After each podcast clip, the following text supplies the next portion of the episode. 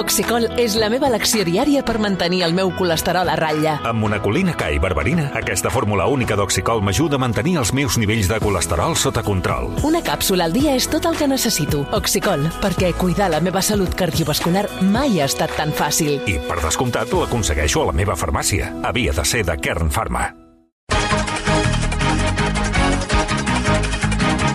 A aquesta hora, com sempre, comencem la lectura de la premsa en diagonal. Martí Esteban, bon dia. Bon dia. Anna Alfonso, bon dia. Bon dia. Sergi Ambudio, bon dia. Bon dia. La defensa de l'indult condicionat al president Carles Puigdemont, que Alberto Núñez Feijó ha posat sobre la taula, és el tema, sens dubte, més destacat d'aquest matí als diaris. La Vanguardia, l'editorial, apunta que és un canvi rellevant encara que estigui subjecte a condicions i que es contradiu amb totes les crítiques que els populars han volcat contra Pedro Sánchez per haver fet transaccions polítiques amb els independentistes. L'ara exclama que Feijó ha quedat retratat, li posa un semàfor vermell i subratlla que ha demostrat un cop més la deriva populista i hipòcrita del seu partit en relació amb l'independentisme. Ferran Casas al Nació parla directament de cinisme perquè mentre els entorns del PP critiquen Sánchez per negociar amb el que ells anomenen pròfug, surt a la llum que el partit estaria disposat a concedir indults. Vicent Partal, a Vilaweb, escriu que aquest episodi ha neguitejat molta gent. Ha tornat a remarcar la singularitat de Carles Puigdemont en el panorama polític català. El nacional José Antic hi treu importància i diu que les paraules de Feijó, per molt que l'esquerra les vulgui exagerar,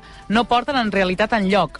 I Xavier Salvador, a Crònica Global, destaca que apel·lar l'indult a Puigdemont pot ser inocu per Feijó a Galícia, però que l'ajudarà a millorar la seva imatge a Catalunya, just on li fa més falta. Els diaris de Madrid veuen com un error estratègic del PP el suposat canvi de parer de Núñez Feijó sobre els indults. El país assegura que els populars no han tingut cap problema amb, el, amb posar en risc el prestigi de la democràcia arran de l'amnistia. Celebra que Feijó tingui un pla B per Catalunya més enllà de la política de terra cremada, però creu que l'ha d'explicar a la ciutadania sense por a Vox. El Mundo es mostra preocupat pel canvi de postura del PP, que qualifica de relliscada, i Marisa Cruz afegeix que Feijó s'ha disparat al peu i ha servit en safata un argument clau a Sánchez. L'ABC també coincideix a parlar de relliscada, en aquest cas incomprensible dels populars, i creu que les noves explicacions que han donat només afegeixen confusió sobre la doctrina oficial del partit. A l'espanyol, Pedro J. Ramírez argumenta que és un error no forçat de Feijó i un afusellament per la seva taviesa. A Público, Amanda García considera que el cop de volant de Feijó trenca l'estratègia de campanya de Rueda i augmenta el nerviosisme del PP. I la Razón, en canvi, titula ni amnistia ni indults, només fang. Assegura que tot es tracta d'un arsenal fake contra el Partit Popular i que la postura de Feijó contra l'amnistia i els indults és ben coneguda. I a qui li agradarà avui llegir el diari? A l'actor David Verdaguer, que ahir es va endur el Goya a millor actor pel seu paper a Saben aquell, que avui serà el món a rac La Vanguardia destaca que ja ha guanyat el Feroz i el Gaudí pel mateix paper i li posa un semàfor verd. A l'ara, Antoni Bassas es desfà en elogis cap a l'actor, diu que som davant d'una autèntica recreació d'Eugenio plena de talent i que cada èxit seu és una gran alegria. I Bernat Salvà, al punt avui, destaca que David Verdaguer va ser un dels grans triomfadors de la nit. I avui també li agradarà llegir el diari a J. Juan Antonio Bayona. La Vanguardia diu que amb les 12 estatuetes als Goya, el director de la Societat de la Nieve va trencar la maledicció i es va convertir en el gran protagonista de la gala. El periòdico li posa un semàfor verd i el defineix com el supersònic triomfador de la festa dels Goya. Carlos Bollero, El País, assegura que Bayona s'ho mereix i celebra els èxits de la pel·lícula que qualifica de poderosa, dura, complicada i tendra. I al Mundo, Luis Martínez també aplaudeix Bayona, que diu va ser el gran triomfador de la nit. Continuem amb la lectura de la premsa en aquí al món RAC1. Qui se n'entrebassarà aquest matí el Xuxu? Aquest matí els defensors de veure les pel·lícules en versió original subtitulada si llegeixen l'article de Pedro Ballín a La Vanguardia. Es titula directament Contra els subtítols. Defensa que l'ofici de fer parlar una altra llengua actors i actrius pot elevar el resultat artístic. No només pels actors de doblatge, diu, sinó també pels responsables de la traducció. I conclou, posar la tinta a la tinenta Ripley d'Alien la veu de Maria Lluïsa Solà és molt menys agressiu que imprimir sobre el pla de robot estibador enfrontat a la mare superiora un text groc que digui allunya't d'ella, porca. Bones crítiques a l'espectacle d'Asher a la mitja part de la Super Bowl.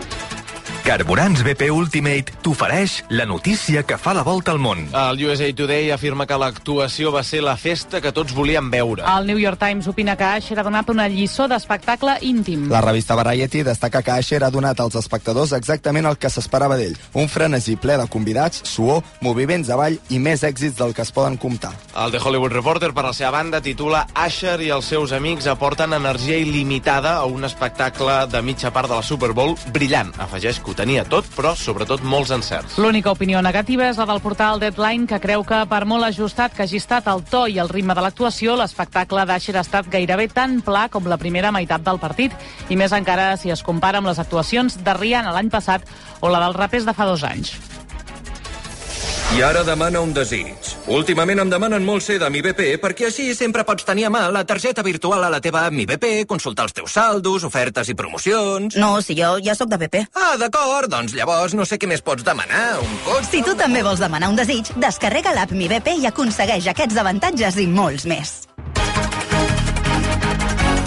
Ramon Bartolí, bon dia. Bon dia. Troben contaminació industrial incrustada en coralls del Mediterrani. És la conclusió d'una investigació de la University College London que ha pogut certificar l'augment significatiu de la contaminació entre el 1969 i el 1992 i dona suport a la idea que els coralls poden servir d'arxius naturals per mesurar els nivells de contaminació al llarg dels anys. Això també ajudaria els científics a fixar l'inici de l'era en què l'activitat humana va començar a influir de manera dominant en el clima i el medi ambient del planeta. I una icona de la televisió diu que amb 80 anys encara ha de treballar. Sí, Eric Idle, un dels humoristes dels Monty Python, que tant van triomfar als anys 70 al Regne Unit i altres països, el còmic ha revolucionat Twitter dient que el grup és directament un desastre i també afegeix que els diners es van gestionar malament i que ara de continuar treballant per poder viure. I remata, no és gens fàcil a aquesta edat. Ho llegim al The Times. Sant Adrià del Besòs tindrà dos nous hotels de luxe. Santanderesmusic.com t'ofereix la notícia econòmica. El que obrirà més aviat es diu Tembo i és propietat d'un grup suís. La inauguració està prevista per les properes setmanes. Té 17 plantes i 280 habitacions d'entre 30 i 125 metres quadrats. L'altre hotel s'està construint al Port del Fòrum i tindrà 470 habitacions, totes elles amb vistes al mar. S'encarrega del projecte el despatx d'arquitectes B270 i la cadena SLS. Ho llegim a l'avantguàrdia. Quan alguna cosa t'agrada molt, saltes. Salta amb el Santander a descomptes en festivals i concerts. A prevenda exclusiva d'entrades i a meet and greet amb artistes. Només per ser del Santander. Viu la cultura i el millor contingut musical a santanderesmusic.com. Salta amb el Santander. Santander, per tu, els primers. Què ens ha demostrat TikTok a tres quarts pràcticament de vuit del matí? Doncs que si vols aprendre català, pots, siguis d'on siguis. Escolta, fa 400 dies que vaig començar a estudiar català amb Duolingo i amb altres coses com la televisió i tot això. Ell és l'Alejandro López, és un noi de Zalamea la Real, que és un petit poble de Huelva. Durant la pandèmia va conèixer una noia catalana i va decidir posar-s'hi, malgrat que no és fàcil. He descobert que el català no és gaire fàcil. Eh, Algunes persones diuen que és molt fàcil, que és com el castellà... No, no, no, no, no, no. El, cas- el català és, és difícil. Especialment els verbs, la gramàtica, els pronoms febles dels collons... Sí. Ara bé, el que dèiem, voler és poder. I sobretot, aquesta és la demostració de que pots parlar una altra llengua si vols. I a, apre, aprendre una altra llengua et permetrà descobrir una altra cultura, eh, en aquest cas eh, la cultura catalana. I això és molt bo.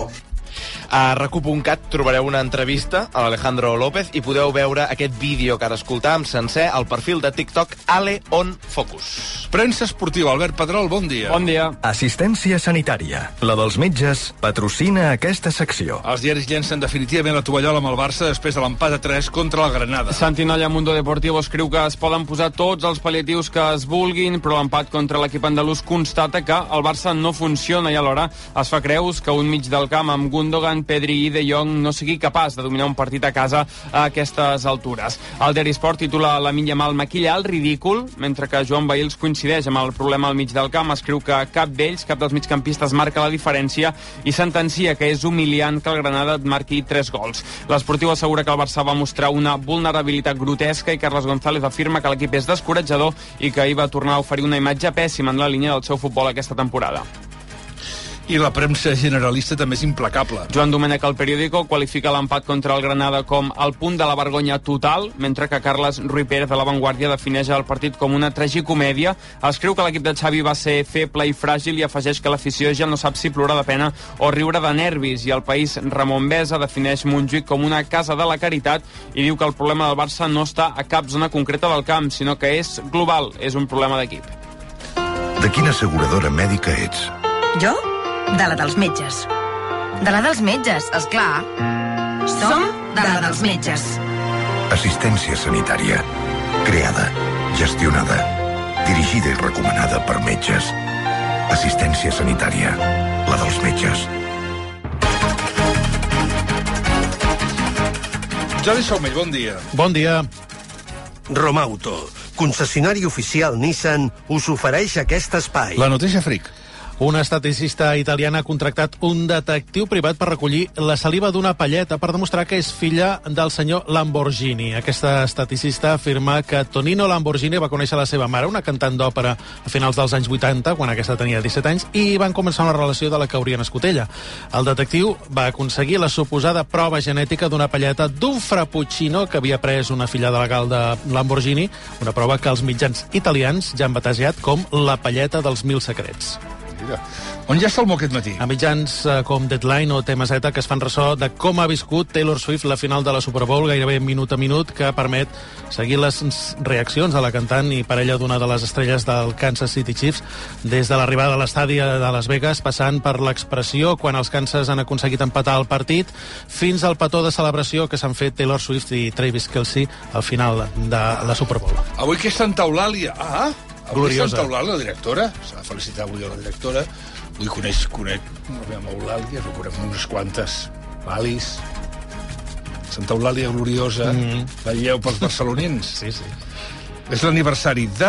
L'actriu Cristina Ricci, la família Adams, Yellow Jackets, que fa 44 anys, el director de cinema Darren Aronofsky, el Signe Negre, La Balena, 55 anys, l'actor John Brolin, Avengers Endgame, Dune, 56 anys, el cantant i actor Javier Gurruchaga, el rei pasmado, si te dicen que caí, 66 anys, i el cantant Joaquín Sabina, quien me ha robado el mes de abril, lo guardaba en el cajón, fa 75 anys.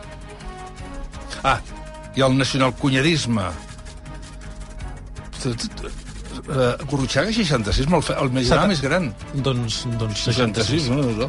I el nacionalcunyadisme, Xavi no riguis Instagram, avui cunyadisme de separació, amb aquesta frase. Fa el cor fort, però la processó va per dins.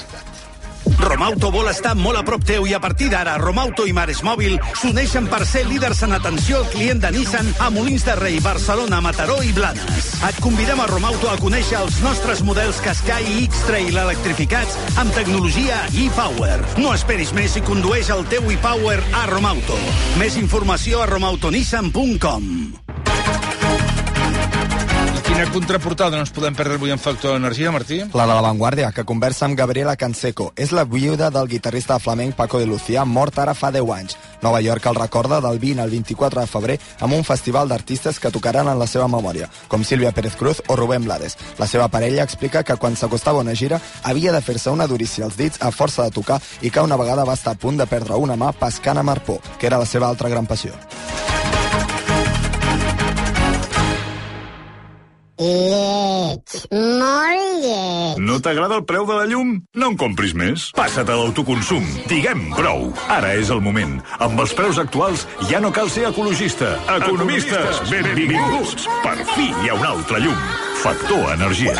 Empresa col·laboradora amb l'esdeveniment Barcelona Question Challenge.